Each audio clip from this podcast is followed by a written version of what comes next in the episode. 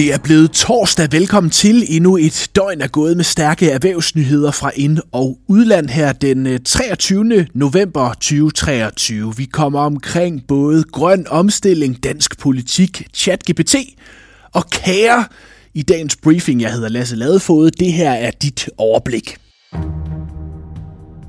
Og vi begynder faktisk med øh, kagerne og andet bagværk. Den danske øh, kæde Lavkagehuset har fundet sin nye øh, topchef. Valget er faldet på Joachim Knudsen. Han kommer med en baggrund fra både Carlsberg og McDonald's. Han får nu til opgave at forbedre bundlinjen i lavkagehuset, der de seneste år har været igennem en ekspansion og nu har forretninger i både London og New York. Det har givet en omsætning sidste år på 1,3 milliarder kroner. 3.500 medarbejdere, men det har kostet. Lavkagehuset har, øh, siden man blev kapitalfondsejet i 17, tabt mere end 750 millioner kroner. Nu får Joachim Knudsen altså til opgave at vende udviklingen.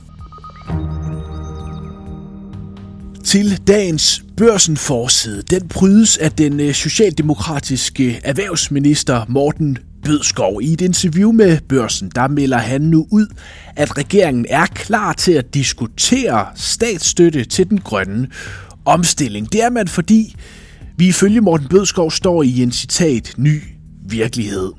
Og det er en virkelighed, hvor det er sværere for den grønne industri af mange årsager, blandt andet afglobalisering, renter og inflation, hvilket for eksempel Ørsted, som er delvis statsejet, i særdeleshed har kunne mærke. Fra europæisk side har man været tilbageholdende med øh, grøn statsstøtte, men de senere år er både Kina og USA rykket kraftigt. USA har sat øh, over 2.000 milliarder kroner af i statsstøtte til grøn omstilling i Inflation Reduction Act, og øh, Kina har lignende planer. Derfor risikerer man global konkurrenceforvridning, hvis ikke også EU og Danmark reagerer, det mener Morten Bødskov. Og vi bliver i øh, politik og skal forbi forsiden af Berlingske i dag. SVM-regeringens flertal det vakler efter, at Mike Fonseca er blevet smidt ud af Moderaterne. Og i kulissen der står partiet De Radikale klar og vil gerne igen i regering, så fremt regeringen kan rykke sig på områder som klima, uddannelse og børn og unge. Det siger partileder hos de radikale Martin Ledegaard til Berlingske. Han siger, at det er med 100% sikkerhed vores ambition at komme i regering igen. Om det kan ske i den her valgperiode er svært at vide, for det vil kræve, at vi får nogle af vores krav indfriet, siger Lidegaard til Berlingske. Regeringen har vel at mærke stadig teknisk set flertal i Folketinget, og øh, signalerne fra regeringen er ikke umiddelbart, at man her nu vil invitere de radikale med. Flertallet er sikret ved en aftale med tidligere medlem af Moderaterne Jon Steffensen om, at han bakker op om regeringens politik til den danske økonomi, som øh, viser stor styrke senest med beskæftigelsestal over 3 millioner. Men erhvervslivets konkurrenceevne er bredt set mere presset, end man sådan lige går og tror, som lyder det fra tænketanken Axel Future. Faktisk så er de store overskud på balancerne over for udlandet drevet af tre ting. Det er USA, Novo Nordisk og Mærsk. Hvis man tager USA ud af eksportberegningen, så er balancen i underskud, hvis man tager Novo og de andre medicinalvirksomheder ud af handelsstatistikkerne, så vil det være et stort øh, underskud på over 90 milliarder kroner. Og hvis man tager Mærsk og andre rædderier ud af tjenesteeksporten, så går også denne i et stort minus. Fra Axel Future, der siger cheføkonom Jens Jarsbæk, de store overskud skyldes jo i store træk et enkelt marked, et enkelt produkt og en enkelt tjeneste, det er USA, medicin og søfart. Uden dette ville vi ikke have overskud på betal- betalingsbalancen, siger han til børsen. Et kig ud i Europa, hvor der igen er ved at være en smule bekymring for bankerne. Godt nok har Europas banker det seneste års tid tjent øh, stort, fordi renterne er steget, og bankerne dermed har kunne øge udlånsrenterne. Alligevel så er den europæiske centralbank i en øh, dukfrisk rapport bekymret for øh, bankernes fremtid.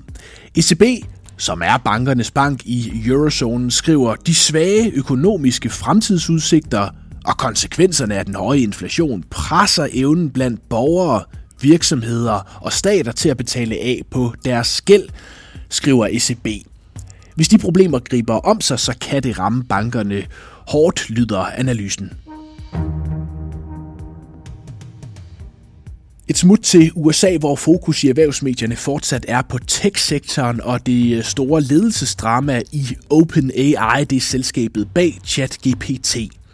Onsdag blev det officielt, at Sam Altman han vender tilbage som topchef i virksomheden mindre end uge efter, at bestyrelsen ellers havde sendt ham på porten. Samtidig sker der en større udskiftning i øh, bestyrelsen. Der skulle angiveligt komme en ny øh, repræsentation fra storinvestoren Microsoft, og tre øh, af de medlemmer, der stod bag fyringen af Sam Altman, de ryger ud.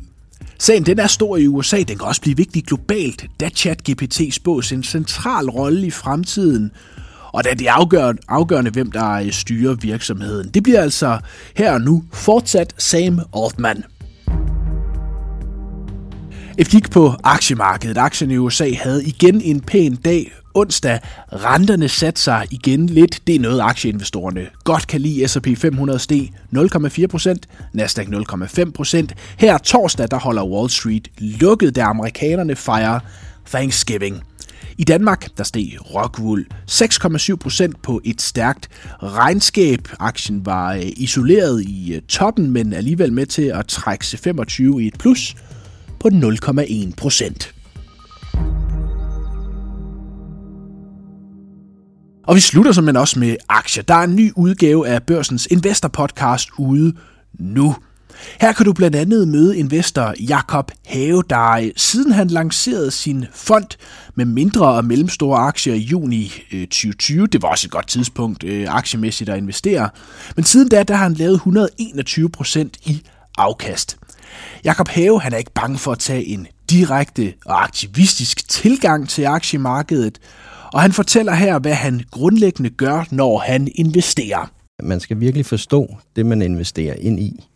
Og, øh, og det tror jeg egentlig ikke er så meget anderledes, end, end hvad de andre her, her øh, de kigger på. Men jeg bruger rigtig lang tid på at screene, altså jeg læser samtlige selskabsmeddelelser for alle de her selskaber, der er i mit investeringsunivers, cirka 1100, og når der så er et eller andet, der passer, jeg kigger meget på, hvad det egentlig er, der er blevet leveret historisk. Øh, og og det, den er så udgangspunkt i, når jeg prøver at kigge på, hvad så jeg tror, der kommer til at ske fremadrettet. Så når jeg starter med at få en eller anden case på retterne, så er det ofte fordi, at de allerede handler i et eller andet, hvor jeg intuitivt synes, at det kunne være attraktivt. Og så starter hele processen selvfølgelig med at begynde at forstå, jamen, hvad er det så egentlig for en industri? Hvad er det for en ledelse, der er særligt? Altså, hvilken ledelse, det betyder rigtig meget. Øh, og hvor jeg så har nogle, nogle samtaler af flere omgange med ledelsen, inden jeg så øh, i så fald vælger at investere. Så, så det er en meget tidskrævende proces, og det gør så også, at at man skal, man skal være rimelig sikker på, at det er en god investering, før man gør det.